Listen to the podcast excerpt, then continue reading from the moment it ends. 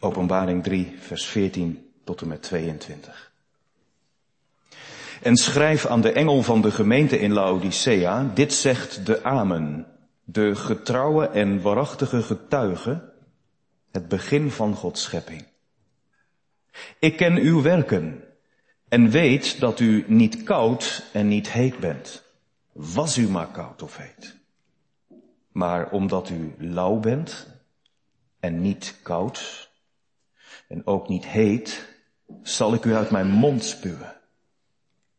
Want u zegt, ik ben rijk en steeds rijker geworden en heb aan niets gebrek. Maar u weet niet dat juist u ellendig, beklagenswaardig, arm, blind en naakt bent. Ik raad u aan dat u van mij goud koopt, gelouterd door het vuur, opdat u rijk wordt. En witte klederen, opdat u bekleed bent en de schande van uw naaktheid niet openbaar wordt. En zalf uw ogen met ogenzalf, opdat u zelf, opdat u zult kunnen zien. Ieder die ik lief heb, wijs ik terecht en bestraf ik. Wees dan ijverig en bekeer u. Zie, ik sta aan de deur en ik klop. Als iemand mijn stem hoort en de deur opent, zal ik bij hem binnenkomen en de maaltijd met hem gebruiken en hij met mij. Wie overwint, zal ik geven met mij te zitten op mijn troon, zoals ook ik overwonnen heb, en mij met mijn vader op zijn troon gezet. Wie oren heeft, laat hij horen wat de geest tegen de gemeenten zegt.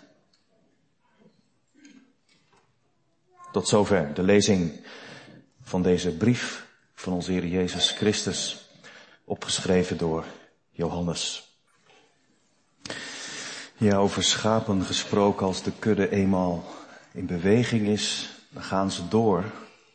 Nou prima dat het zo werd opgelost. De tekst voor de verkondiging vanmiddag is vers 20 uit Openbaring 3. Laten we die als uitgangspunt en thema van de preek nog een keer lezen. En vervolgens houden in het licht van heel de brief. Openbaring 3, vers 20. Woorden van Jezus, zie, ik sta aan de deur en ik klop. Als iemand mijn stem hoort en de deur opent, zal ik bij hem binnenkomen en de maaltijd met hem gebruiken en hij met mij.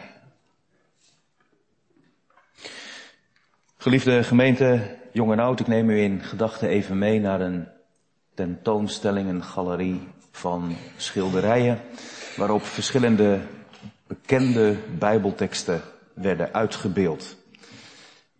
En op een van die schilderijen, inderdaad, zag je heel duidelijk, dat is een hele treffende verwijzing naar openbaring 3 vers 20. De schilder, de kunstenaar, had uitgebeeld hoe daar een man stond, je keek hem op de rug bij een deur en hij stond te kloppen. En nu was daar een gids die langs die schilderijen ging met een groep van mensen, bijna allemaal volwassenen en een paar kinderen. En ze stonden bij dit schilderij stil en de gids die vroeg, als jullie nu zo kijken, het is wel duidelijk, hè, dit is openbaring 3 vers 20. Wat valt jullie dan op aan dat schilderij? Nou, meteen ging er een vinger omhoog van een jongetje wat erbij stond en die gids dacht, nou, eerst maar even een paar volwassen reacties. Je weet natuurlijk nooit wat zo'n kind eh, begint te zeggen en zo en dat verstoort even de concentratie, dus hij keek over dat hoofdje en die kleine vinger heen en hij zag al gauw dat er een volwassene was die ja, zo indrukwekkend zo zijn ogen toekneep. En hij zei, weet u wat me nou zo opvalt? Hoe die kunstenaar in de, alleen al als je hem op de rug ziet, de bewogenheid van Jezus uittekent dat hij met liefde staat te kloppen. Je ziet het bijna in die, in die hand en die rug. Dit is Jezus. Zo bewogen. Hij wil naar binnen. Mooie analyse, zegt de gids. En ik vraag het nog een keer, is er iemand anders die er misschien iets moois in ziet, wat, ja, wat, wat hij met ons kan delen? Ja, zegt een andere volwassene, en dat jongetje, dat staat maar, hè. Die wil ook heel graag wat zeggen, maar die gids kijkt nog steeds over hem heen. En dan zegt een andere volwassen man, weet u wat ik nou zo mooi vind aan dat schilderij? Nou ja, mooi. Ja, wel knap gedaan. Er zit allemaal mos tussen de kieren van die deur. Dan vraag je je toch af hoe lang zal Jezus daar al niet staan als het mos in de kieren groeit. Ja, dat had ik er nog niet in gezien, zegt de man naast hem. Mooi. En dat jongetje, dat staat maar. En dan zegt die gids, en jij dan? Waar denk jij aan als je dit schilderij ziet van Jezus die klopt? Met een diepe zucht zegt het jongetje, is die eindelijk aan de beurt. Hebben ze hem ook binnengelaten? Ja.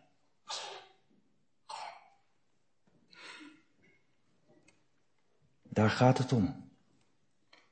Als we de brief van Jezus vanmiddag lezen en er een preek over horen, vooral over deze tekst. Zie, ik sta aan de deur en ik klop. Dat je straks na de dienst niet zegt, dit vond ik een mooie lijn, mag wel. Of dat had ik er nog niet in gezien, mag wel. Maar dat je vooral hebt gehoorzaamd. Voor de eerste keer in je leven, of misschien wel weer eens opnieuw. Ik heb open gedaan. Want ik heb zijn stem gehoord. Zullen we zo eens luisteren naar deze tekst en vooral maar beginnen met misschien twee bekende misvattingen even uit de weg te ruimen. Allereerst dat dit zomaar een mooie tekst is. Ik moet u bekennen dat ik hem wel vaak zo heb gebruikt. Zomaar als een, niet als een losse flodder, maar wel als een los citaat in een preek over een andere Bijbeltekst. En, en, en, ik zou bijna zeggen, bij de gemeente, weet u dat de Heer Jezus op dit moment aan de deur van uw hart klopt? Bent u nog niet tot geloof gekomen? Zit uw hart nog helemaal potdicht? Is de deur van je hart nog op slot? Dan staat hij er en hij klopt aan je hart en hij wil binnengelaten worden. Waarom is dat een misvatting? Nou, allereerst omdat het hier niet zomaar gaat over dat Jezus op de deur van het hart van een enkeling klopt. Hij klopt bij zijn gemeente. En hij staat hier niet omdat hij nog nooit is binnen geweest, maar omdat hij langzamerhand buiten is geraakt. Hij herkende zich niet meer in zijn eigen gemeente. En staat heel nadrukkelijk buiten te kloppen. Dus zo mooi is het in eerste instantie niet. En de tweede misvatting, en dan zetten we de vaart erin, om ook deze brief helemaal tot ons te laten doordringen. De tweede misvatting is, als we het dan toch over beelden hebben, hoe Jezus eruit gezien zal hebben. Mag best wel even over beelden gaan. Het is openbaring, apocalyps, onthulling. Hier staat niet een man van smarten in een sjofele jas, die met tranen in zijn ogen bewogen staat te kloppen. Ach, ik, ik mag er niet meer in. Mag ik alsjeblieft ook nog meedoen? Zo wordt het wel eens uitgelegd. Maar hoe is Johannes begonnen in de openbaring van Jezus Christus? Jongens en meisjes, hoe ziet Jezus eruit na zijn hemelvaart? Wat is het visioen wat Johannes heeft gezien? Wat was zijn blik op Jezus? Nou, daarvan kun je lezen in openbaring 1, toch? Johannes zei, toen hij naar mij toe kwam en opdracht begon te geven om de gemeente aan te schrijven, ik lag als dood aan zijn voeten. Dat wil zeggen, ik was volledig bij bewustzijn, dat wel, maar ik kon niets meer uitbrengen. Zo overweldigend was het licht en de majesteit en de heiligheid van de Messias, die in de hemel zetelt en die zich betrokken weet op de gemeente op de aarde. Openbaring 1 vers 13. Johannes zegt, hij leek op de zoon des mensen gekleed in een gewaad tot op de voeten. En op de borst was het omgord met een gouden gordel. Zijn ogen waren als een Vlam van vuur. Zo zeg. En toen hij begon te spreken, weet je hoe zijn stem klonk? Als het geluid van vele wateren. Ik kreeg een filmpje doorgestuurd van mijn studiegenoot, vriend en collega, dominee Mulder, die nu in Springford korte tijd predikant is van de Niagara Falls. Nou, en op mijn mobiele telefoon, ik dacht, zeg dat geluid zo hard mogelijk. Ja, dan stelt het niet zoveel voor, maar toch, als je je voorstelt, dat donderend geluid van die massa's water die naar beneden stromen. Zo heeft het geklonken toen Jezus het woord nam. Bij Johannes. En Jezus wordt omschreven als degene die zeven sterren in zijn rechterhand heeft en uit zijn mond komt een tweesnijdend scherp zwaard en zijn gezin, gezicht. Als je daar naar keek, dan was het alsof je in de zon keek. Dat verblindt je. Zo'n kracht als de zon heeft, zo'n kracht had de blik van Jezus. Ja, die staat voor de deur. En die klopt. Niet mag ik alstublieft binnenkomen. Het is zo koud buiten. Maar hij staat daar als de opgestane levensvorst, als de eigenaar van zijn gemeente die het recht heeft om in het middelpunt te staan. En jongens en meisjes, nu kan ik me voorstellen dat je een beetje bang wordt van de Heer Jezus. Als ik het zo zeg. En ik zeg het natuurlijk zo omdat het in de Bijbel staat. Nou, het is nooit de bedoeling van de Heer Jezus zelf. Het is nooit de bedoeling van de Vader en van de Geest dat jij bang wordt van Jezus. Daarvoor staat dit niet in de Bijbel. Maar wel dat je heel erg onder de indruk raakt van hoe groot Jezus is.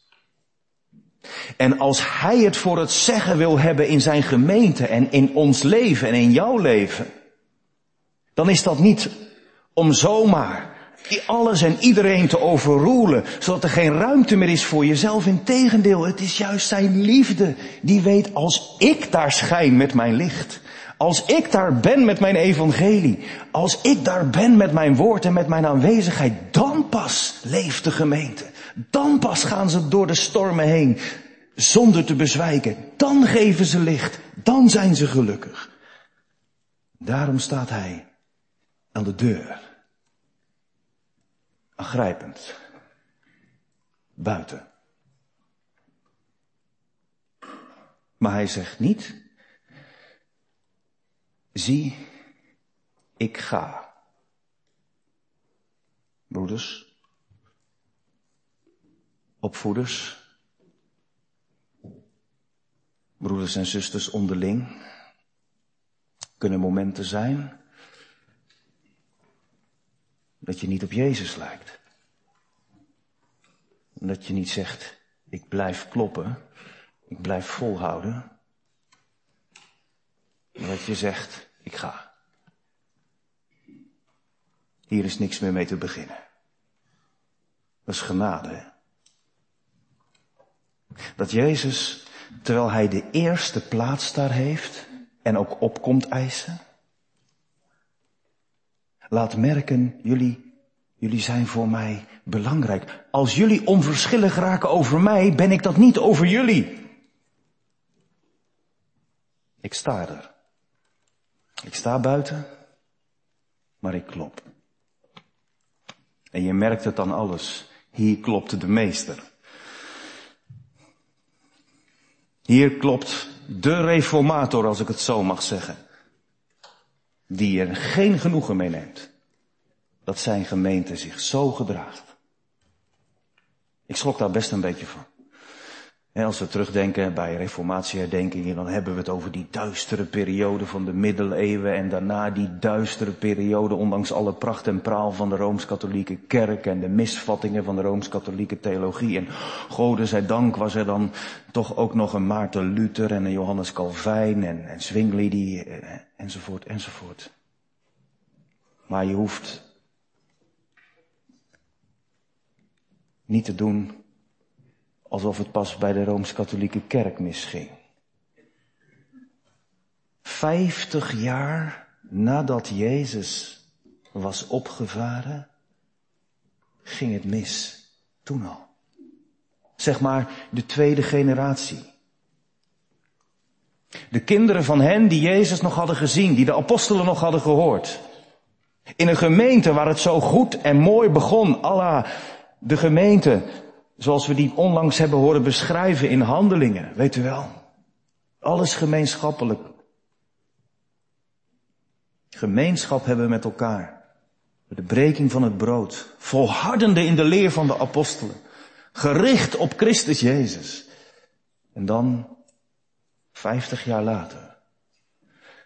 Wat is er aan de hand? Wat is die klop die Jezus hier doet? Wat hebben ze gehoord als ze zijn stem horen? Ja, dat is het onderwijs wat aan vers 20 vooraf gaat. Wat is de boodschap van Jezus aan de gemeente van Laodicea? Hij begint met zichzelf te noemen, ik ben de Amen. Ik betrek dat wat waar is, wis en waarachtig op mijzelf. Het gaat hier niet over bijzaken. Dit is niet te weerleggen. Ik ben nota bene de getrouwe, betrouwbare, waarachtige getuige. Ik spreek namens de Vader en de Geest. En ik ben de oorsprong van alle dingen. Als Jezus zichzelf in vers 14 aan het einde het begin van de schepping noemt, dan bedoelt hij niet ik ben het eerste schepsel. Maar zoals Johannes in zijn evangelie het eerste hoofdstuk heeft gezegd, ik ben het woord dat bij God was in de beginnen. En door mijn spreken is alles geworden wat niet was. Hoor je het? Jezus smeekt hier niet zomaar. Hij neemt hier het woord als de eigenaar, de schepper van die gemeente waar hij staat te kloppen. En van meet aan moeten ze weten, luister naar mij, ik weet waar ik het over heb. En ik heb recht van spreken. En ik weet uw werken. Vers 15. Ik ken uw werken. Nog even los van wat die werken dan in Laodicea waren. Of je je nou herkent in wat volgt of niet. Is dat ook de onbevangenheid waarmee we hem mogen ontmoeten in de samenkomst van de gemeente. Heren, u weet alle dingen. U weet dat ik u lief heb. Maar u weet ook, het is nog niet volmaakt. Heren, u weet van mijn verlangen. Mag ik meer kennis van u hebben? Mag ik meer een naaste zijn voor de ander? Mag ik meer gericht zijn op het koninkrijk van u? Staan wij met een bepaalde onbevangenheid onder zijn woord? Mooi is dat, hè? Laat ik daar eens mee beginnen. Dat je merkt, mijn afhankelijkheid, dat wat ik mis, dat wat nog zoveel beter kan, dat wat nog zo kwetsbaar is. Elke zondag, de dominee is ook geen engel, dus ja, de ene keer zit er misschien wat meer in dan de andere keer, maar er zit toch steeds wat bij waar ik, waar ik door gevoed word, waar ik mee verder kan. Dank u, heren. U weet mijn werken, u weet waar het aangevuld, verdiept en verstevigd moet worden, maar u weet ook van mijn verlangen dat ik dat ook heel graag doe. Of zitten we er helaas misschien vanmiddag helemaal niet zo onbevangen bij? dan is het niet verkeerd, hè, om hem die ogen heeft met vuurkracht van de zon, hem die zijn woord gebruikt als een scherp zwaard, niet te ontvluchten, maar blijven zitten en in het licht te komen. Als hij misschien benoemt waar je zo gaandeweg toch in terecht kan komen. Of als we meeluisteren, hè, als gemeente met andere gemeenten, als de geest ertoe spreekt en je overziet die reformatorische gezind en denkt, oh help, al die reformatieherdenkingen. Maar waar zijn we met elkaar gebleven? Is het vuur er niet uit? Is het niet vaak, heel vaak het systeem en de kerk als instituut en we draven en we doen en we komen samen, maar ondertussen, waar is Jezus?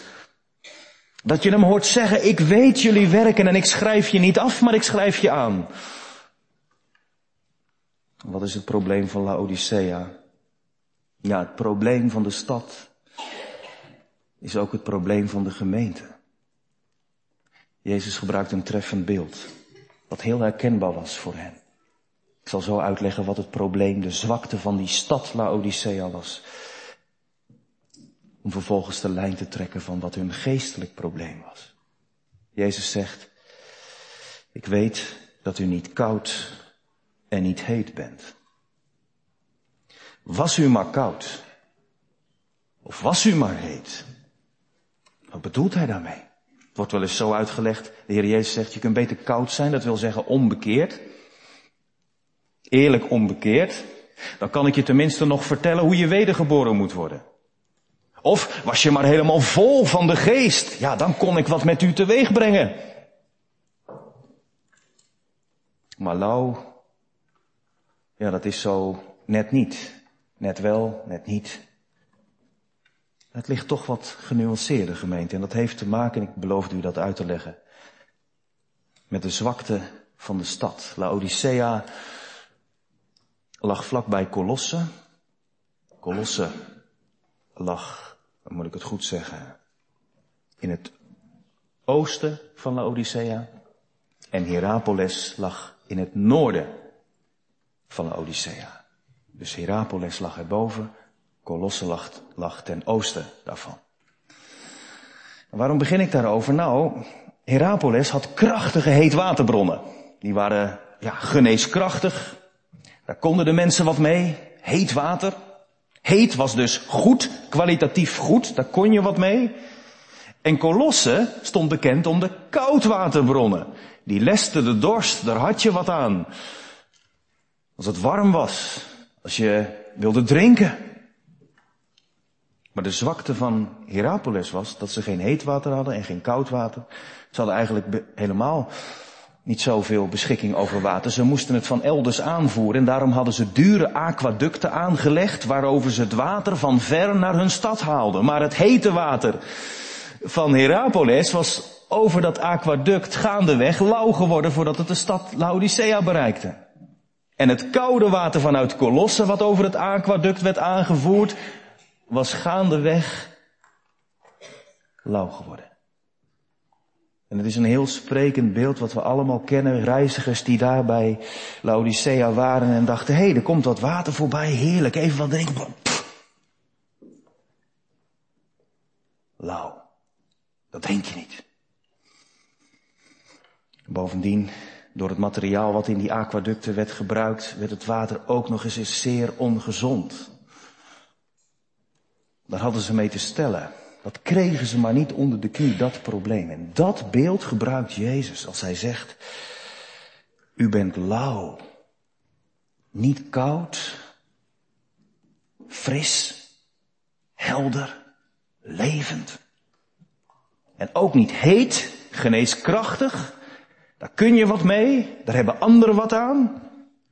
En daarom zal ik u uit mijn mond spuwen. Dat beeld kom je ook tegen in Leviticus. Als God het op een gegeven moment voor zijn eigen volk gebruikt en hij zegt, als jullie onzuiver zijn op het gebied van seksualiteit en gaan doen wat de heidenen doen, dan komt er een moment dat ik je uit de gemeente moet uitspuwen, bannen, uit de gemeenschap.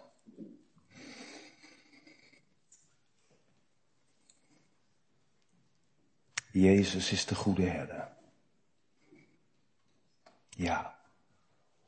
En hij is een liefdevolle heiland. Ja. Maar zijn klop en zijn stem, die hebben gewicht.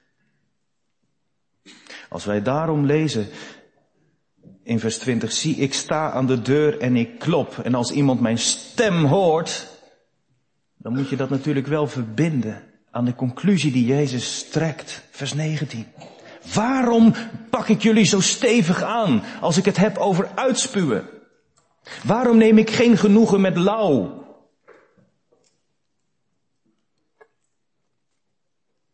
Omdat ik wil dat je wordt zoals ik je wil hebben. Ik houd van je. Klinkt misschien een beetje plat en eigen tijds. In vers 19 staat het wat plechtiger, maar ik zeg het maar even voor de jonge lui. Hè? En ieder die ik lief heb, die wijs ik terecht en die bestraf ik. Jezus kan het niet aanzien als zijn gemeente, waar hij het fundament van hoort te zijn, waar hij mee begonnen is, zich gedraagt als een bastaard, als iemand die er niet bij hoort, niet bij wil horen, niet bij kan horen. Daarover lezen we treffend in Hebreeën 12. Waar de apostel de gelovigen in de verdrukking heeft opgeroepen om weerstand te bieden tegen de zonde. En dan zegt hij, u hebt nog niet tot bloedens toe weerstand geboden in uw strijd tegen de zonde. Met andere woorden, jullie geloven wel. Maar ik merk een lauwheid. Er kan toch wel weer het een en ander zo mee door. Het is niet meer zo scherp als toen het begon. Dat je volwaardig toegewijd de Here diende.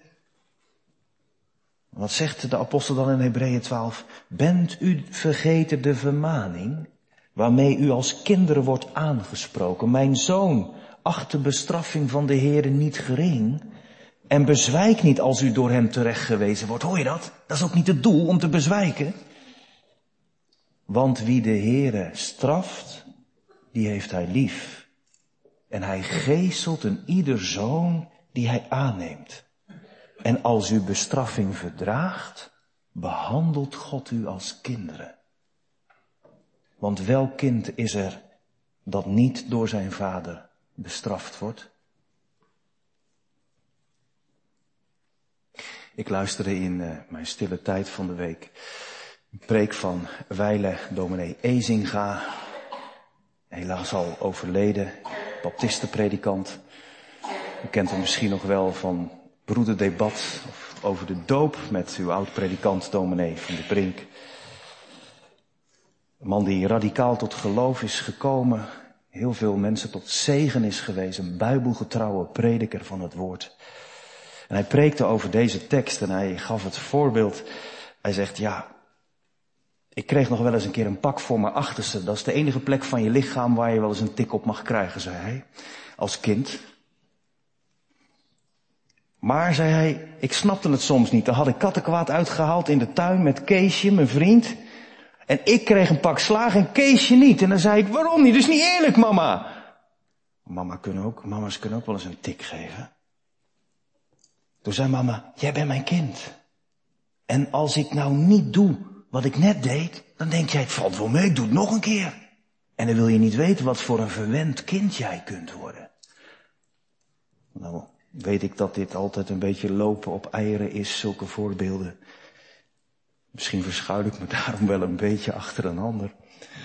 Maar het is natuurlijk niet mee bedoeld om ouders maar gewoon hè, een vrijbrief te geven om te pas en te onpas iets te doen, maar om het beeld duidelijk te maken. Het is de liefde van een vader, van een moeder, omdat het je kind is dat je wil vormen. En als je je kind ziet weggroeien, als je je kind ziet, ja, doen wat niet goed voor hem is, dan is daar toch die bewogenheid. Daarom ook die klop van Jezus. Nou zegt iemand maar, wat is dan precies het probleem? Oh, mooi dat u dat uitlegt met die beelden van warm water, koud water, lauw water. Maar wat is nou precies de lauwheid van die gemeente? Kan ik me hier aan spiegelen of niet? Wat moeten wij hiervan leren? Nou, kort samengevat, heeft Jezus dat toch wel duidelijk gemaakt. Het grote probleem in Laodicea is dat ze zijn gevallen voor de welvaart.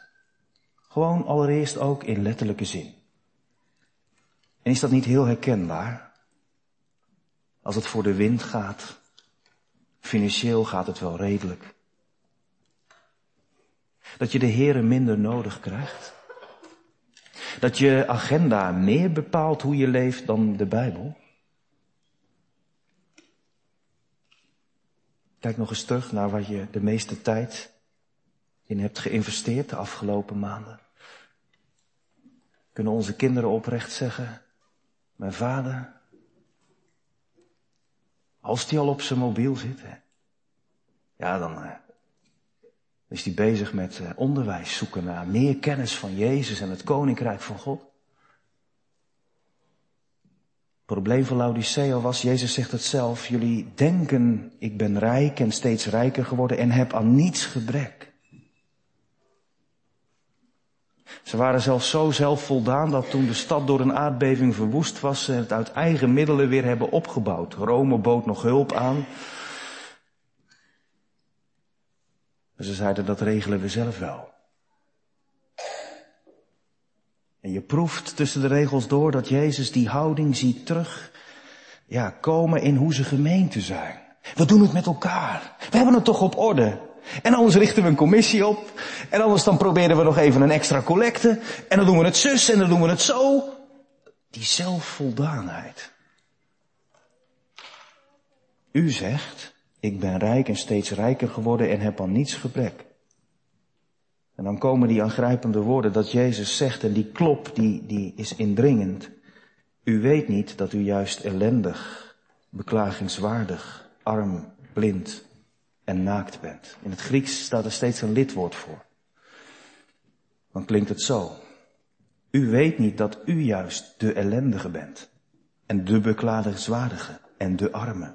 En de blinde. En de naakte. Dat is een beetje cryptisch. Beeldtaal. Maar wel zo duidelijk qua beeld toch, jongens en meisjes, dat jullie weten, dat is niet goed. Jezus ziet de gemeente die van zichzelf zegt het gaat geweldig. En Jezus zegt, maar hoe kan dat nou als ik buiten sta? In een paar pennenstreken schildert hij hoe hij ze ziet. En dat gebeurt er gemeente als hij niet meer centraal staat in onze dienst, in ons gebedsleven, in onze opvoeding. Als het ons niet meer gaat om Hem en Zijn Koninkrijk. Bij een gebedsbijeenkomst. Voordat de brug 010 dienst begint. Als het ons niet meer gaat om Hem tijdens de Bijbelstudies. Maar dat we wel met heel veel andere dingen bezig zijn. Als ik kijk naar onze gereformeerde gezinten. Grote kerken. Kolossale gebouwen. Grote dogma's. Maar staat Jezus centraal? Mag hij het opeisen? Mag hij het vragen? Mag hij kloppen? Het is zijn liefde. En ik zei het al, als het op dit moment vervreemdend werkt, want het is bij u misschien heel anders, neem het mee voor later. Want ook deze gemeente, hè, die zijn niet van de een op de andere dag zo geworden. Het kan zomaar erin sluipen. En daarom staat Jezus te kloppen en hij zegt, als je mijn stem hoort, hoor dan wat ik zeg. Weet je waarom ik hier sta? Ik wil weer binnenkomen en ik breng wat mee. Allereerst mezelf. Ik wil met je aan tafel, om tafel, gemeenschap hebben. Maar hij, hij schildert zichzelf ook als een soort koopman. Hè? Voor, die, voor die nare toestand waar je in verkeert en waarvan je zelf misschien niet doorhebt dat het zo is. Ik zie, ik zie dat je er niet uitziet, maar ik wil dat dat verandert. Opnieuw wil ik je weer kleden. Ik raad je aan dat je van mij koopt. Zonder prijs uiteraard. Ontvang het als een genadegeschenk. Goud, gelouterd door het vuur. Nou, de verklaringen buitelen over elkaar heen. En hoe vroeger je teruggaat, of ja, zeg ik dat goed? Hoe meer je teruggaat in de vroege kerk, hoe, uh, ja, hoe bijzonderder het soms wordt. Als je Augustinus leest en Origenes. Wat die allemaal in dat goud zien. Maar goed, ik ben natuurlijk ook een kleine jongen vergeleken met hen, maar als ik probeer te blijven bij hoe de Bijbel spreekt over goud, dan, en zeker in combinatie met het woord louteren, dan probeert Jezus denk ik hier de gemeente duidelijk te maken, als jullie bang zijn voor lijden, als ik binnenkom, want dat breng ik altijd mee. Als jullie geen gemeenschap willen hebben aan mijn lijden, maar alleen aan mijn overwinning, als jullie zo fijn samen gemeente zijn, maar, maar niet denken aan broeders en zusters die het moeilijk hebben. Als jullie, nou dat, als jullie die beproeving niet willen, ik breng dat mee en dat is het ware goud. Wees niet te snel tevreden met voorspoed, gezapigheid en zegen. Juist ook door de beproevingen heen bouw ik mijn gemeente. Goud, je zou kunnen denken aan het goud van Gods genade, het evangelie. Neem het van mij aan. Dan betekent het dat het goud dat gelouterd is te maken heeft met dat Jezus zegt, ik heb het verdiend door het oordeel heen aan het kruis op Golgotha. Zo ben je rijk, daar moet je weer naar terug, daar moet je het van hebben. Niet allerlei uiterlijkheden, waar we in onze gezinten soms zo vaak mee bezig kunnen zijn. En niet altijd onbelangrijk, begrijpt u me goed, maar als de kern ontbreekt, dan heeft het toch zo weinig zin. Ik raad u aan dat u van mij koopt goud, gelouterd door het vuur, zodat je rijk wordt. Witte klederen, zodat je bekleed bent. Bekleed worden, dat heeft te maken met, met heilig leven. Met, met een mantel van gerechtigheid ontvangen van Jezus, zodat je weet, ik ben in Gods ogen om Jezus wil toch volmaakt. En dat als andere mensen naar mij kijken, ze zien, dat is er één die leeft van Hem. Dat het niet meer als het openbaar wordt hoe ik echt ben, ja, dat ik lauw ben, maar juist levend. En dan zalf, zalf, zodat je kunt zien. De beelden die gebruikt worden. Goud was in het bankwezen van Laodicea bekend. Kleding was bekend, ze stonden bekend om hun prachtige, glimmende zwarte wol. En ogenzalf, ook daar stond Laodicea onbekend. Daar kon je wel wat van halen daar. Als je allerlei oogkwalen had. Maar Jezus trekt die letterlijke beelden naar zichzelf toe waar het nu echt om gaat is. Dat je vrede hebt in je hart. Dat het van buiten schittert van wie je bent. En dat je inzicht hebt in waar de gemeente toe dient. Dat je kijkt met mijn ogen. En dat je weet waar het op aangaat. Zo klopt hij. En als je die stem hoort, dan zou je denken, oh help. Oh help. Moet hij nu binnenkomen? Ja, waarom niet?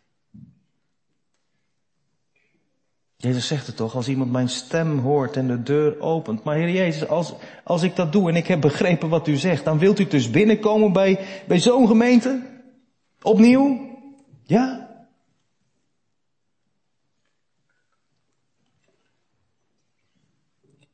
Ik zal bij hem binnenkomen.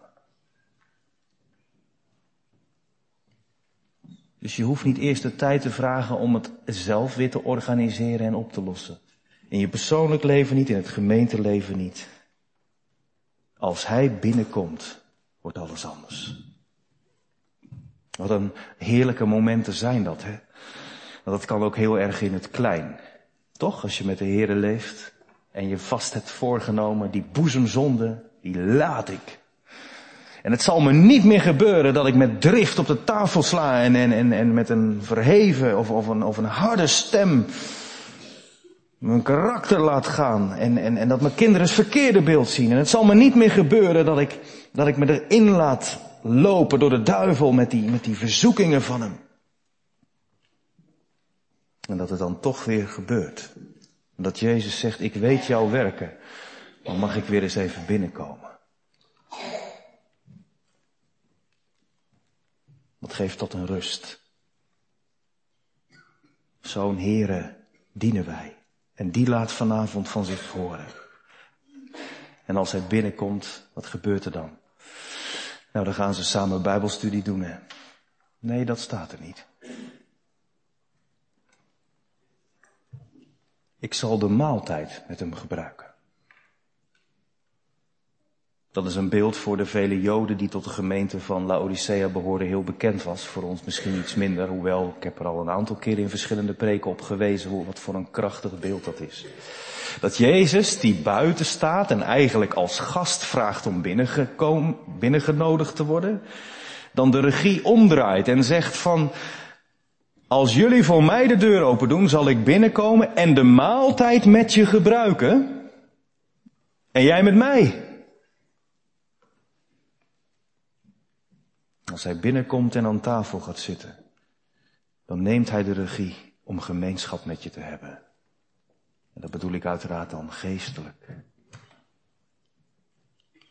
Als hij de ereplaats aan tafel heeft, dan betekent dat dat hij de voornaamste plek inneemt. En dat je merkt als ik opnieuw van hem hoor en van hem lees en over hem zing en met de broeders en zusters samenkom. Dat hij van zich laat horen en dat ik meer van hem leer kennen. Niet meer lauw. Niet meer zomaar wat meedoen.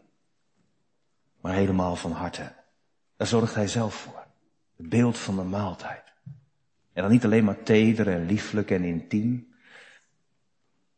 Maar ook het beeld van de maaltijd waarbij je kunt denken aan Psalm 23.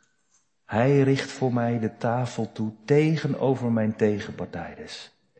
Hij wordt gastheer. Mijn huis, mijn gemeente, waarvan ik dacht dat is van mij, wordt weer van hem. En dan heeft de duivel het nakijken en de krachten van buiten het nakijken. Hij is bij mij. Hij is er voor mij. Wie zal dan tegen mij zijn? Zie, ik sta aan de deur en ik klop. Zo kwam Jezus tot ons. Reformatieherdenking, ja, wat heb je nodig? Een leven dicht bij Hem. Laat ons huis gevuld zijn met uw glorie. Vul met uw heerlijkheid mijn huwelijk, mijn gezin, mijn gemeente. En kom weer. Ook bij de nazaten van de Reformatie. Zo nabij dat het ons gaat om u. Amen.